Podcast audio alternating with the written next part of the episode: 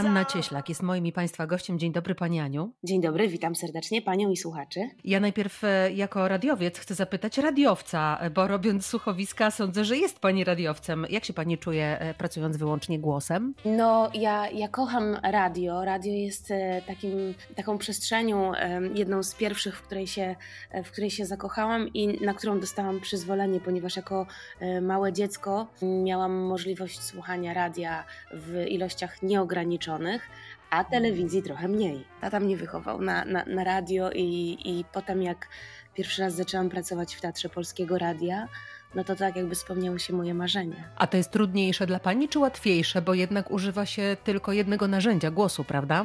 No nie ma nic, nie mamy się czym zasłonić. Tak jak mówi Janusz Kukuła, mikrofon weryfikuje wszystko. Nie dowyglądamy do postaci, możemy ją tylko nieść w środku, razem z dźwiękiem, który, który wydobywamy. To chyba jest najbardziej obnażający aktorsko świat. E, a skoro o pracy głosem rozmawiamy, to porozmawiajmy jeszcze o grze komputerowej The Last of Us, taki jest tytuł, dobrze tak, pamiętam? Tak, tak, tak, The Last of Us, dokładnie. To już drugi, e, drugi sezon, chociaż lepiej chyba część gry powiedzieć. Pani tam używa swojego głosu, jednej z postaci. Jest różnica między słuchowiskiem a nagrywaniem gry? Oczywiście, ponieważ słuchowisko jest dużo bardziej kameralne. Odbywa się w takiej bardzo intymnej przestrzeni, a gra komputerowa to jest rzeczywistość, w którą się prze trzeba przenieść. Wymaga różnych środków ekspresji, bo na przykład jedno zdanie na zasadzie nie wiem, gdzie wyląduje dzisiaj wieczór, e, trzeba powiedzieć na 40 różnych sposobów. Ponieważ kiedy powstaje gra, my nie widzimy, tak jak w dubbingu, e, kiedy dubbingujemy animacje mhm. albo filmy, że widzimy materiał i musimy dostroić się do gotowej postaci. Te czasy się zmieniły na tyle, że jeśli wychodzi nowy produkt, to wychodzi na świecie tym samym czasie. Kiedyś w Polsce wychodził dużo później niż na przykład w Ameryce, więc mogliśmy zobaczyć materiały dubbingując gry komputerowe, a teraz mhm. to się dzieje równolegle. Więc ja widzę aktorów, którzy są na sali treningowej, podpięci do motion capture. To są takie diody, które y, są poprzyklejane tak jakbyśmy byli u lekarza i robili badania serca, to, to mhm. mamy takie diody, aktorzy mają takie diody w kaftanach, są specjalnie poubierani w takie kaftany, jak płetko, płetwonurkowie wyglądają trochę i zostają podpięte takie diody do nich. Na samej twarzy jest około 27 i później te diody ściągają na komputer i powstaje taka siatka ruchomego człowieka, na którą nakłada się animacyjną postać. Anna Cieślak to aktorka doskonale Państwu znana z takich seriali jak Na dobre i na złe, Czas honoru e, czy Prawo Agaty. Spotykamy się przed premierą najnowszego pod tytułem Szać, między innymi z Maciejem Szturem. Premiera pierwszego odcinka odbędzie się 13 października. Aktorstwo to jest taki zawód, który wykorzystuje różne narzędzia. Czasem, jak pani mówiła wcześniej, jedynie głos, jak w grach komputerowych czy słuchowiskach radiowych. Pracuje się wtedy często samemu. W teatrze e, sądzę, że jest inaczej, ma się bliższy kontakt kontakt z widzem. Czasem nawet e, widz i aktor słyszą wręcz swoje oddechy. W teatrze jest taka magia, ponieważ człowiek od zawsze interesował się życiem drugiego człowieka. Kiedyś było tak, że nasze prababcie wykładały poduchę na parapet, siedziały w oknie i oglądały, co się dzieje. Mhm. Jak widz przychodzi do teatru, i współuczestniczy w zdarzeniu, które wytwarza się między aktorami, no to tak jakby tam był. I mhm. takim najpiękniejszym komplementem, jaki w życiu dostałam, to jest takie: Ja myślałam, że to tylko ja tak mam, a tu cały spektakl o tym powstał. No tak. Więc teatr jest po to, żeby łączyć i żeby pokazać nam trochę, jeżeli patrzymy na sztukę, to, to żebyśmy zobaczyli w niej siebie, i wtedy to jest największy sukces. To teraz porozmawiajmy o filmach. 13 października na premiera nowego serialu Szać, w którym pani gra jedną z głównych e, ról. Jak mówię Szać, to od razu brzmi mi to trochę e, mrocznie. Serial też jest mroczny? Tak, jak najbardziej. E, ja akurat gram taką dosyć mocną, ja bym powiedziała drugoplanową rolę, ponieważ w pierwszoplanowych rolach jest Maciek Sztur i e, Ola Popławska, ale to jest taka mm, bardzo przewrotna historia, ponieważ my już w pierwszym odcinku wiemy, kto e, jest ciemną postacią i dlaczego i co w związku z tym wydarza się dalej To jest bardzo ciekawe. Jak e, człowiek, który na co dzień wygląda normalnie, wręcz bardzo pozytywnie, ma żonę, dzieci, okazuje się e, patologicznym kryminalistą.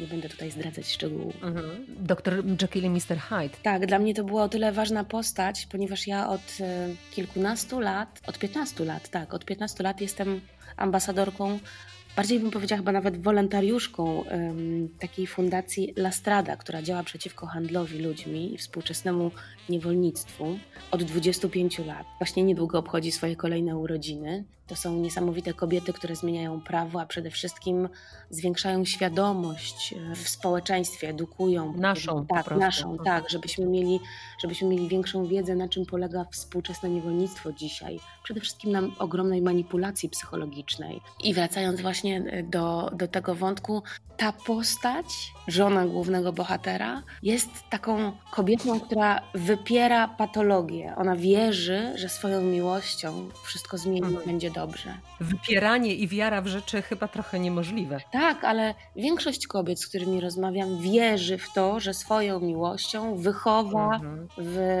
w, w, jakimś takim, nie wiem, świecie dobra i że to wszystko się zmieni. To jest niestety. I że ona zmieni, tak, że, tak, że ona to zmieni. To jest okrutne, ale niestety bardzo powszechne. Za cztery dni obchodzi Pani swoje y, urodziny, 40 zresztą, y, więc w zasadzie mogę uznać, że z Radiem Wrocław obchodzi Pani te urodziny. Możemy tak przyjąć? Oczywiście, bardzo, bardzo miło, tak, jak najbardziej. Y, bardzo się cieszę. Co się zmieniło w Pani życiu na przestrzeni tych właśnie 15 lat, czyli od czasu, kiedy możemy Panią obserwować, Pani karierę, Pani grę? No ja myślę, że na pewno świadomość. Świadomość i też dwudziestoletnie doświadczenie na scenie powoduje, że nie muszę już na dzień dobry udowadniać, dajcie mi szansę, ja na pewno coś wymyślę. To już jest inny poziom podchodzenia do kreacji, spokojniejszy, ale z wyczuciem, dlatego że te 20 lat pracy na scenie dały mi świadomość, ale dały mi też możliwość operowania formą, co jest, y, czego y,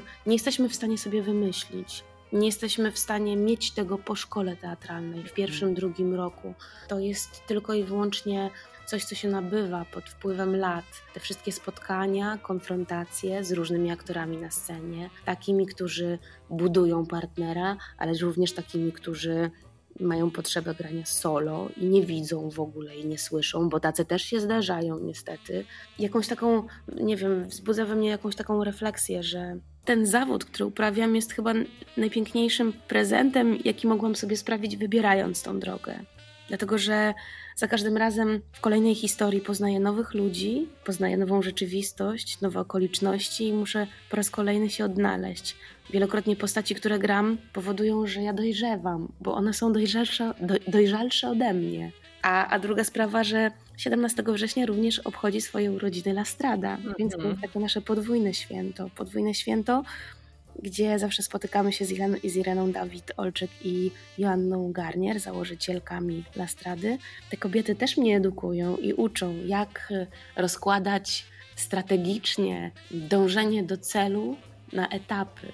Że to nie jest tak jak kiedyś wybiegłam i mówię, dobra, to róbmy, to się na pewno uda. Teraz już jest inaczej, na zasadzie, aha, dobra, to czekaj, to żeby to zrobić, to tak, we wtorek musimy nad tym popracować, w środę nad tym, a w czwartek zamkniemy cały temat. I nagle mm. okazuje się, mi się zawsze wydawało, bo jejku, jak one strasznie wolno pracują, to się nie da nic zrobić. A to nieprawda, bo wtedy to jest głębokie, osadzone, świadome i ma jeszcze większą siłę rażenia.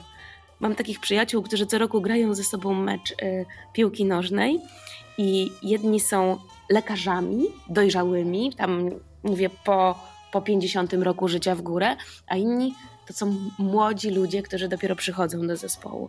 I ci młodzi ludzie są bardzo silni, szybcy, sprawni, a ci starsi rozkładają ich w drugiej połowie na łopatki i po prostu to się zdarza co roku. To jest niemożliwe, ale to jest fantastyczne patrzeć, jak oni rozkładają siły i przede wszystkim myślą, gdzie, jak, którędy, żeby dojść do celu precyzyjnie. No i to jest fantastyczne. Na koniec naszego spotkania muszę zapytać Panią, co tam słychać e, u wujka?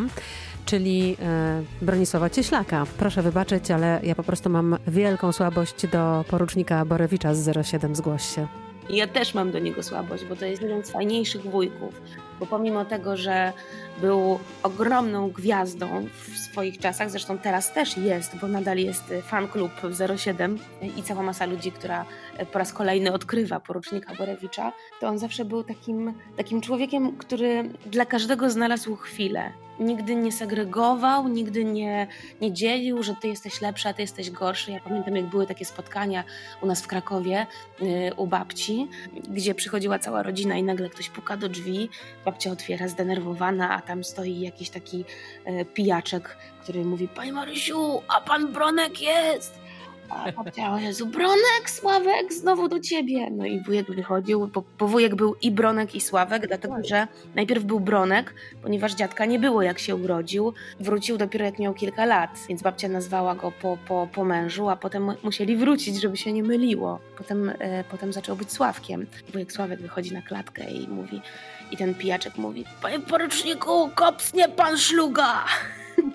No i wujek wyjmował papieroska i szli sobie na balkon i pogadali trochę. Zawsze był ludzki, zawsze był empatyczny, zawsze był ciekawy historii drugiego człowieka, jako dziennikarz zresztą, bo przede wszystkim to jest dziennikarz radiowy. Człowiek, który wyszedł z radia, który robił bardzo ciekawe e, wywiady i kontrowersyjne jak na tamte czasy. Teraz ma się dobrze. Mieszka w Marcyporębie i tak jak zawsze do niego dzwonię, jak, jak dzwonię do niego i pytam, wujku, co robisz? A wujek odpowiada, leżę sobie na boku pod gruszą. I od tego zawsze zaczynamy rozmowę i się śmiejemy.